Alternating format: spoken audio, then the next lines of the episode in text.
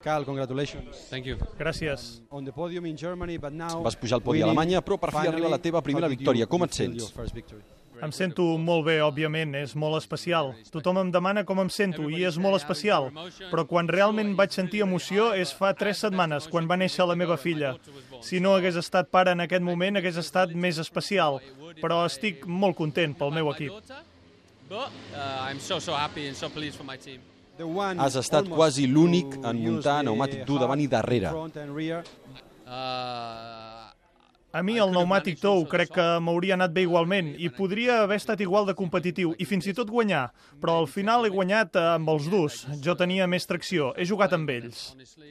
uh, uh, you Quan t'has vist a la zona del darrere les primeres voltes, pensaves que podries arribar finalment davant?